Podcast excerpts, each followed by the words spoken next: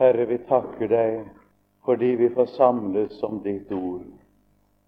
Og nå ber jeg i ditt navn at ditt ord også må samle vårt hjerte og vårt sinn. Vi ber i ditt eget navn, Jesus, om din hellige ånd. Om hjerter som kan forstå ditt ord. Om evne til å ta det til oss og til å kunne bruke det. Og så ber jeg deg, Herre, i ditt navn om å få fra deg alt det jeg trenger for å bære ordet frem. Amen.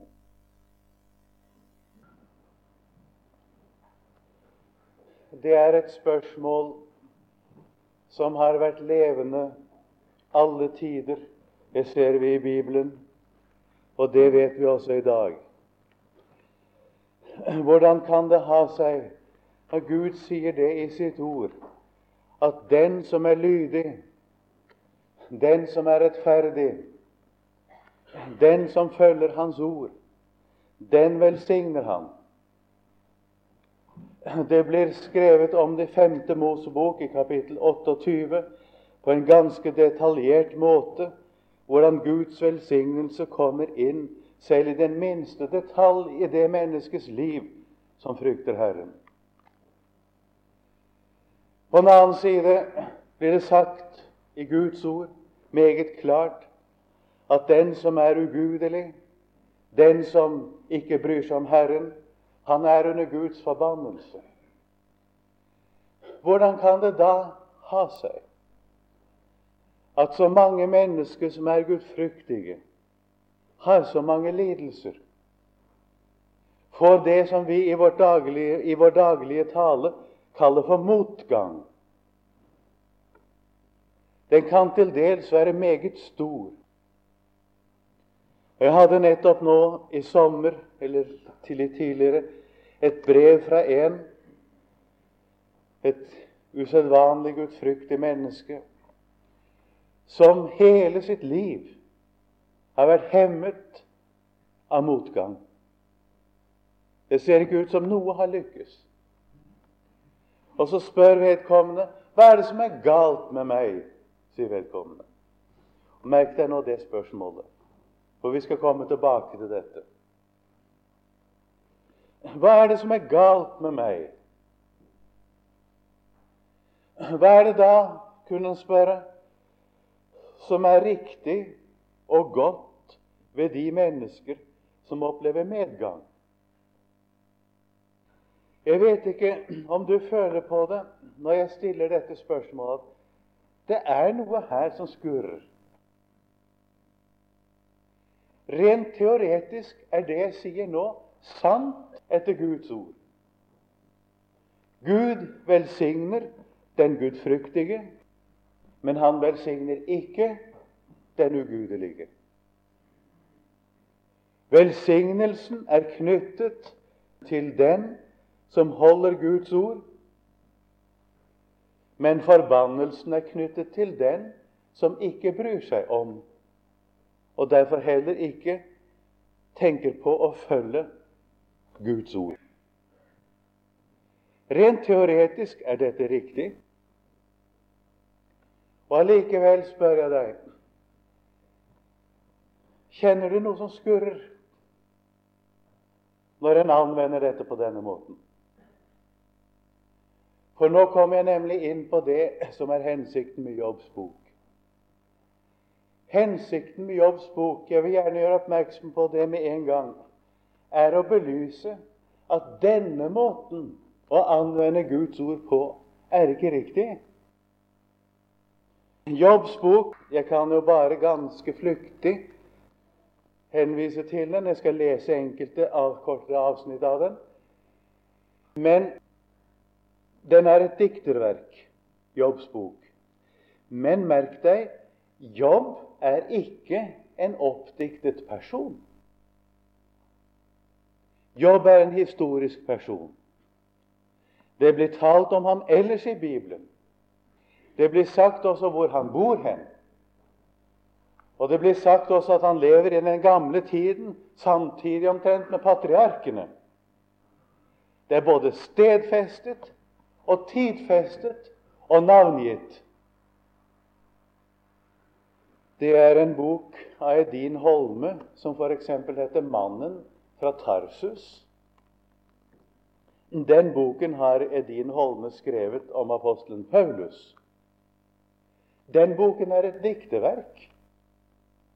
Men mannen fra Tarsus er ikke en oppdiktet person. Det er underlig med Guds ord. Det er så allsidig. Det finnes alle slags bøker i Bibelen. Historiske skrifter, altså skrifter som ser historien i profetisk lys. Det finnes det vi kaller vitnesbyrdskrifter. Altså, de går under navnet poetisk litteratur for det meste, for de er som regel skrevet i bunnen form. Men det er skrifter som behandler spørsmålene ut fra den personlige erfarings synspunkt. De ble av jødene ganske enkelt kalt for Skriftene. De historiske skrifter kalte jødene for loven. Og det gjaldt da ikke bare Mosebøken, men alle de historiske skrifter, til og med Esters bok. Kalte de for loven. De poetiske skriftene, som altså Jobbs bok er den første av Det går til og med Salomos høysang, og så kommer et lite stykke etter Jeremias, klagesangene. De kalte de for skriftene. De er poetiske. Dvs. Si skrevet i en hebraisk form for poesi.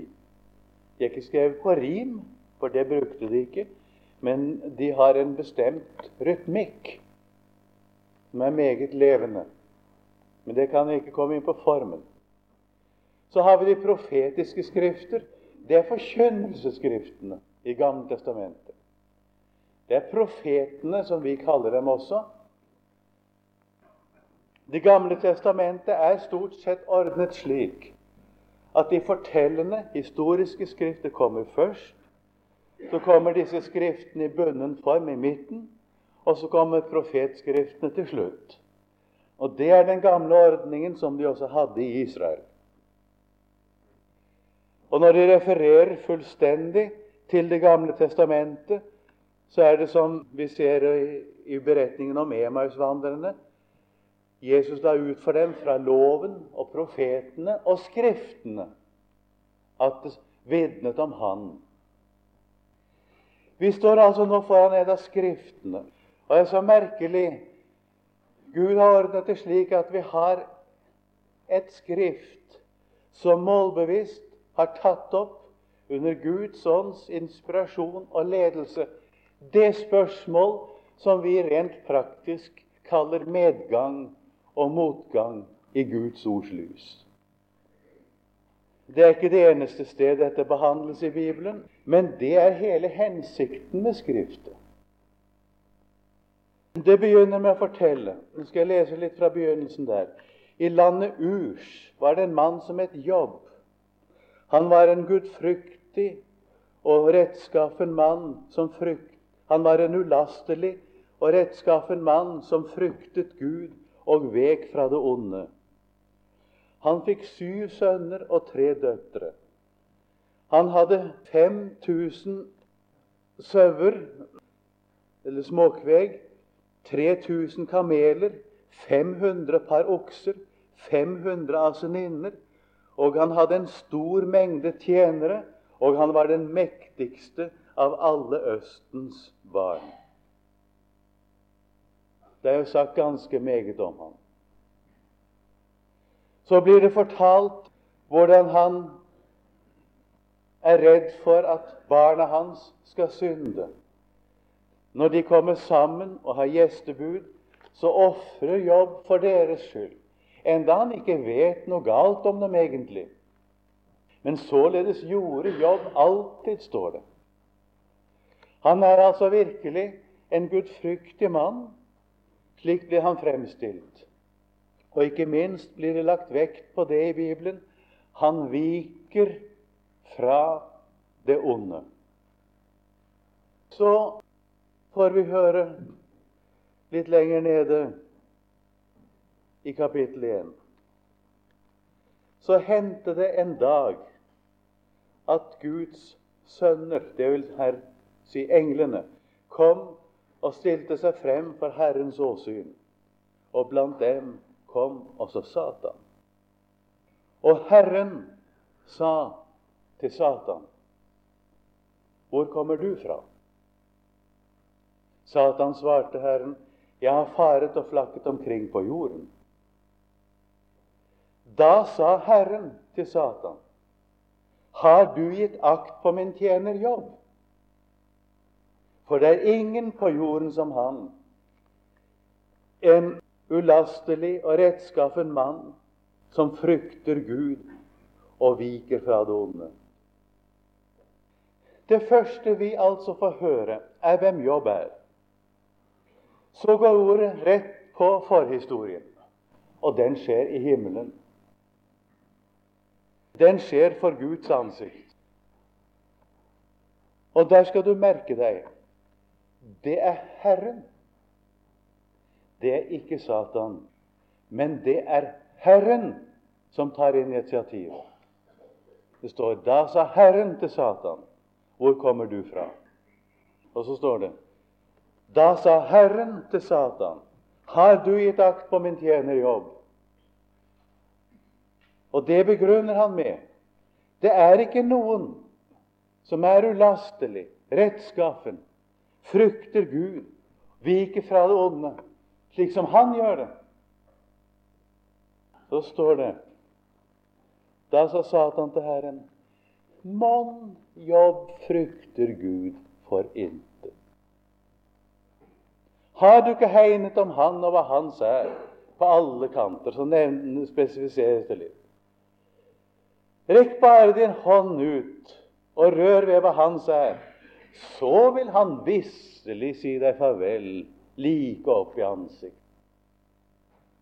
Merk deg dette, du. Herren sier Jobb er gudfryktig. Han viker fra det onde. Han frykter Gud på alle måter. Så sier Satan, Tja, er det noe å takke han for?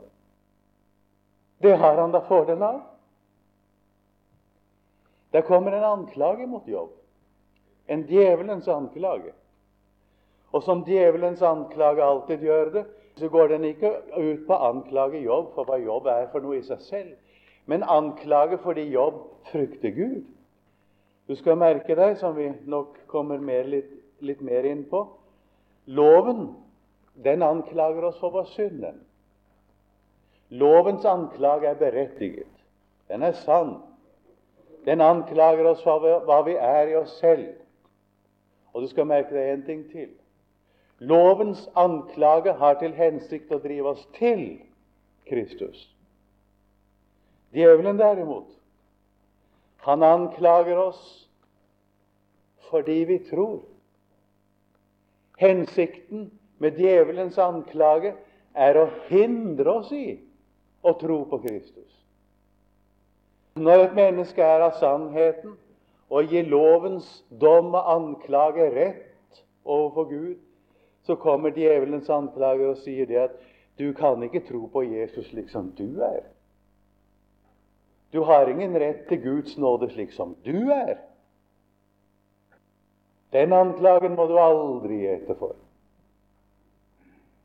Her hører vi det på den måten. Mon jobb frykter Gud for intet.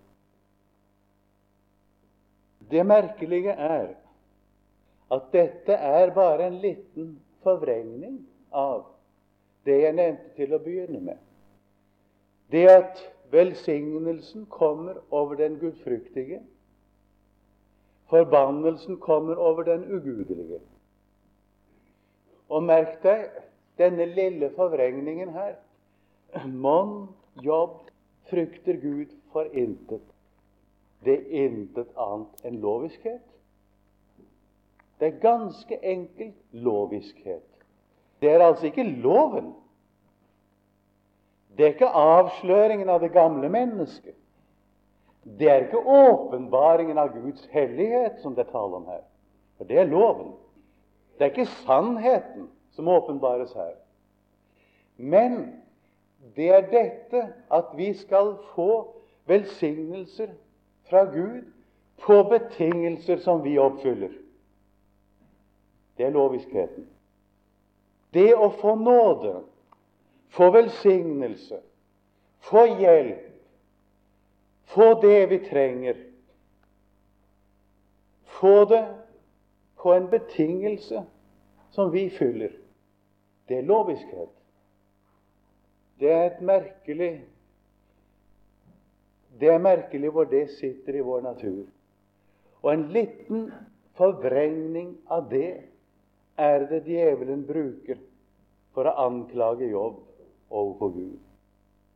Mannjobb Jobb frykter Gud for intet. Han har fordel av å frykte deg. Se nå bare på hva han eier. Det er derfor det har vært nevnt for oss. Jobbs bok er meget ordknapp, så stor som den er. Men det har vært nevnt om alle disse småkvegene. Det er 5000, det er ikke lite. Nei, 7000. Det er ikke lite, det. Og 5000 kameler. Og 500 par okser. 500 asninner. Du vet, det er nå litt av et bruk. Og en stor mengde tjenere. Det har vært nevnt for å illustrere det som kommer her nå. Jo, han har sin fordel av det. Da er det Gud sier det, og merk deg det. Nå er det Gud som har tatt initiativet til dette for å få anledning til å si dette. Det fremgår av denne forhistorien. Satan har ikke satt dette i verk. Men Gud har tatt initiativet for å få si det som han sier nå. Rekk nå bare din hånd ut mot alt hva hans er. Bare mot han selv må du ikke rekke din hånd ut. Og så begynner det. Så kommer det et sendebud og forteller at kalderene de har ødelagt en stor del av Jobbs eiendom på ett sted. Et annet sted så er det saberene. Et tredje sted er det torden og lyn og ildebrann. Og så var alle barna hans de var samlet i den eldste sønns hus. Og da kom det en storm altså av en slik kraft at det rev huset ned over dem og drepte dem. Så Jobb mister alt. Da Jobb fikk det budskapet, da står det henne mot slutten av det første kapittel da reiste Jobb seg og søndrev sin kappe og klipte håret av sitt hode.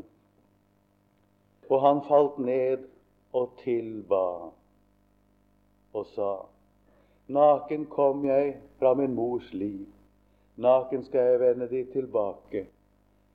Herren ga, Herren tok, Herrens navn være lovet.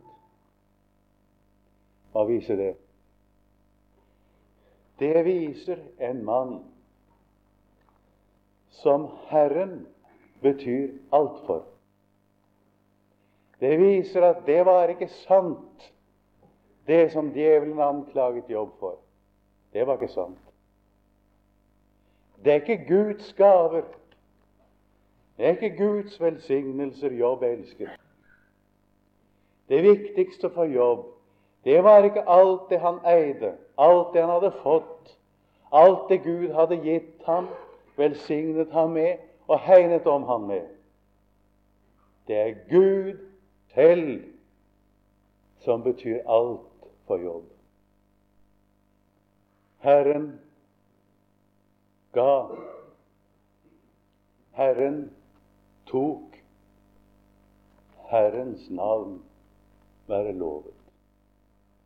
Under alt dette står det syndet jobb ikke. Allerede dette har jo nokså meget å si oss. Og jeg har titt spurt meg selv er Guds gaver viktigere for deg enn Jesus selv er? Jeg skal ikke komme mer tilbake til svaret. Det skal jeg få komme tilbake til i morgen, om Gud vil. Du skal stille deg det spørsmålet. Hva er viktigst for deg? Jesu velsignelser Jesu hjelp eller Jesus selv. Jeg kan også stille det spørsmålet på en annen måte. Hva er viktigst for deg? Jesu velsignelser eller Jesu Kristi stedfortredergjerning? Noe av det som er tyngst og samtidig også vanskeligst å møte i sjelesorg, er når mennesket sier som så at ja, når det er slik, så har jeg jo ingen fordel av å være en kristen. Når Gud ikke hører min bønn, jeg får ikke det jeg har bedt om. Det går ikke slik som det er blitt sagt at Gud velsigner en kristen. Da har jeg ingen fordel av å være en kristen. Hva er det for slags tale? Det er lovsinnet. Det er egenrettferdigheten. Legg merke til Jobb blir anklaget for den av djevelen, men han har den ikke. Ennå har ikke Jobb syndet. Så får vi i kapittel 2 høre at det skjer noe mer i himmelen. Det hendte igjen at Guds sønner kom og stilte seg frem for Herrens trone, og blant dem kom også Satan. Og så kommer de samme spørsmålene igjen, og det er fremdeles Herren som tar initiativet. Herren sa til Satan, 'Hvor kommer du fra?' Og han svarer, 'Jeg kommer og fart omkring og flakket på jorden'. Og Herren sa til Satan, 'Har du gitt akt på min tjenerjobb?' Det er ingen som er ulastelig og rettskapen og frykter Gud og viker fra det som han. Og du har med urette egget meg til å røre ved hva hans er. Så sier Satan, vel, vel, det kan være så. Hud for hud, sier han. En mann gir alt det han eier, for sitt liv. Men hvis du så rører ved ham selv, da vil han visselig si deg farvel. Du har dog Vel, du har tatt ifra ham det han hadde. Du har ikke rørt ved ham selv. Men rører du ved ham selv, da vil det nok gå galt. Så får Satan lov til å rekke sin hånd ut mot jobb.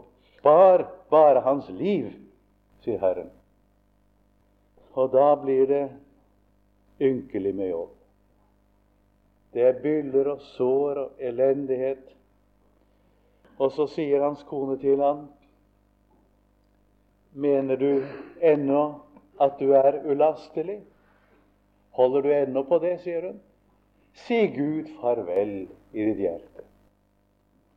Nå greier ikke hun det lenger. Hva nytter dette? Du ser hva det kommer igjen, all din gudsfrykt. Du mener du er ulastelig. Nei, si Gud farvel i ditt hjerte. Og svarte svarer Jobb, du taler som de dårlige kvinner. Skulle vi bare ta det gode av Herrens ånd, og ikke det onde, og under alt dette syndet Jobb ikke. Her lærer vi altså noe, og det er nettopp det som det er lagt vekt på så langt i Jobbs bok. Motgangen, lidelsene, får ikke jobb til å synde. De største ulykker som kan ramme et menneske, rammer jobb, men det får ham ikke til å synde. Det rokker ikke ved hans forhold til Herren. Det er snarere tvert om. Han blir snarere knyttet mer til Herren enn råket ifra ham. Så langt har det gått godt. Men så er det det egentlig begynner. Nå forteller Jobbs bok Det begynner i slutten av kapittel 2. Det fortelles at Jobb har tre venner. Elifas, Bildad og Sofar. Og de får høre om Jobbs elendighet. Og da synes de at de må reise til ham for å trøste ham. i hans nød. Og så drar de, og da de på lang avstand får se jobb, så blir de så slått av den elendighet at de vet ikke hva de skal si. Og det, Den første reaksjonen med disse vennene er at de blir sittende hos jobb og tie stille. Så, fra kapittel 3 og utover, holder disse vennene tre taler hver, unntagen den siste, han holder to. Og Jobb svarer på alle disse talene. Disse talene går, for å si det ganske kort, ut på det Jobbs tre venner trøster Jobb med loven. De er kommet for å trøste ham, men de kan ikke trøste ham på annen måte enn at de trøster ham med loven. Det går ut på det at jobb Hva er det du har gjort? Det må være en urett i ditt liv et sted.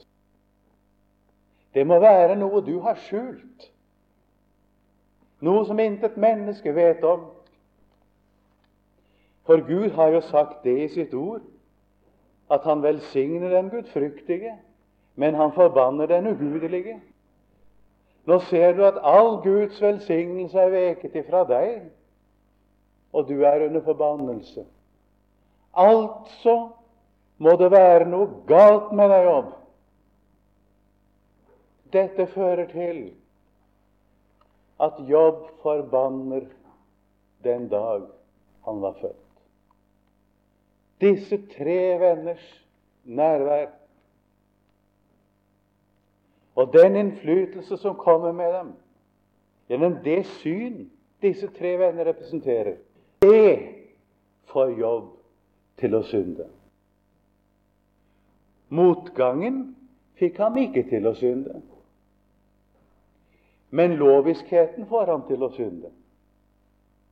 Der har du selve hovedtanken i Jobbs bok. Og så går det fra ond og til verre med Jobb. Jobb sier, som sant er i og for seg, at han vet ikke noe med seg selv som han har skjult. Og hans venner påstår det må være noe galt. Nei, sier Jobb. Det er ikke det. Jo, sier de. Nei, sier Jobb. Og det blir verre og verre med Jobb, ettersom disse vennene taler og Jobb svarer. Enkelte ganger kommer det et lite glimt. En gang sier han f.eks.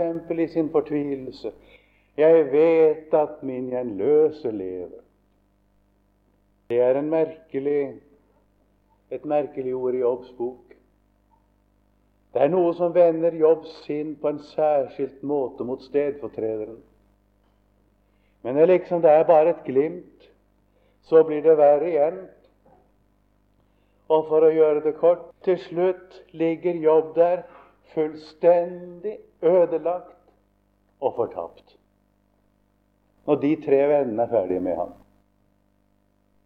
Det som ikke motgangen gjorde, det utrettet disse tre vennene. Og du forstår at det synet som er så alminnelig i dag, det skal lønne seg å være en kristen. Du får velsignelser hvis du fortjener å bli velsignet. Dette loviske sinnet, forstår du, det eter om seg også i dag. Det er åndelig talt livsfarlig. Det er her Jobbs bok advarer oss. Det er ikke på den måten det skal ses. Vi skal komme nærmere tilbake til det i morgen. Men la meg gjøre meg ferdig i dag med oversikten over Jobbs bok. Skal vi gå litt videre, om Gud vil, med dette spørsmålet i morgen. Etter at disse tre vennene har talt, som vi kan si de representerer loviskheten, så kommer det en ny mann inn i bildet. Han heter Elihu. Han forkynner loven, ikke loviskheten. Han forkynner loven. Og han forkynner evangeliet. Begge deler. Først går han voldsomt i rette med jobb og sier hvor galt jobb har gjort med å forsvare seg selv. Vel, var det ikke sånn som Jobbs tre venner sa? Det var det ikke. Men det berettiger ikke jobb til å forsvare seg selv. Og du forstår at det er fryktelig farlig når et menneske begynner å forsvare seg selv overfor Gud. Han forkynner loven, og han forkynner evangeliet. Og Jeg vil nevne et enkelt trekk fra Elihus tale i Jobbs bok, kapittel 33, er det vel? Der står det om, om Jobb, det er altså sagt i den form hans ben som han før ikke så, hans kjøtt tæres bort, og hans ben som han før ikke så, ligger bare. Og hans sjel kommer nær til graven, og hans liv til dødens engler. Så kommer det. Er det da hos ham en mann, en tolv, en engel, en av tusen, en som forkynner mennesket dets rette vei? Da sier Gud til ham Fri ham fra å fare ned i graven. Jeg har fått løsepenger. Der kom vendepunktet for jobb. Jobb ligger der altså, fullstendig fortapt, legemlig og åndelig. Så sier Elihu det at det er nemlig slik kommer det et sendebud fra Gud. En av tusen, står det. Jeg har mange ganger tenkt på om det har vært slik bestandig. Det er en av tusen. En som forkynner menneskets rette vei. Virkelig forkynner frelsen. Og dette mennesket som ligger der fortapt, altså hører dette her. Tar imot dette her.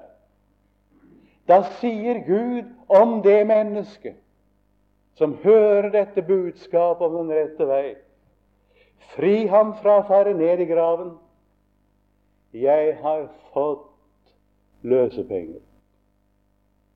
Det er et vidunderlig og klart ord.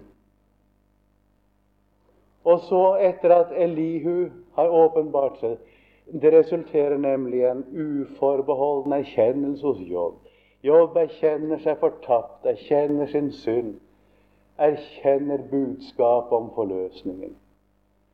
Og så åpenbarer Gud selv seg for jobb. Og da kommer det underlige ordet etterpå at Jobb sier bare hva ryktet meldte, hadde jeg hørt om deg. Men nå har mitt øye sett deg. Han hadde alltid vært gudfryktig, men gjennom denne underlige historie så hadde han opplevd noe som intet menneske kan oppleve uten gjennom en slik historie. Om den ikke er i det format som den var hos Jobb, så blir det den historien. Det går imot.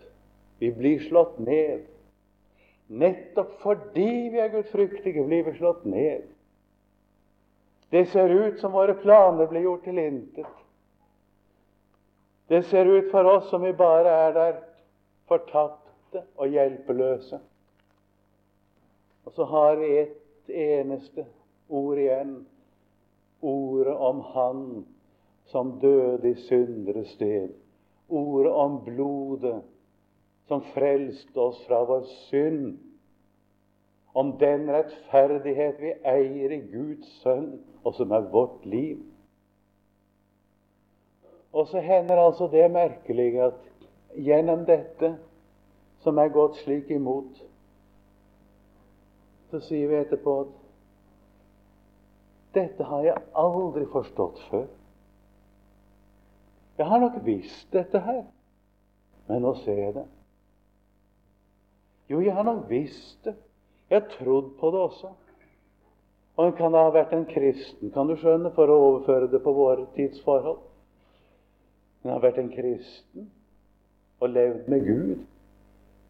Men nå ser jeg noe som en aldri før hadde sett. Hvorfor det? Fordi det ikke var sant at den fikk den velsignelsen som en mente en hadde rett på å få, fordi en var en kristen. Derfor fikk en hva, hva fikk en? Gud selv fikk en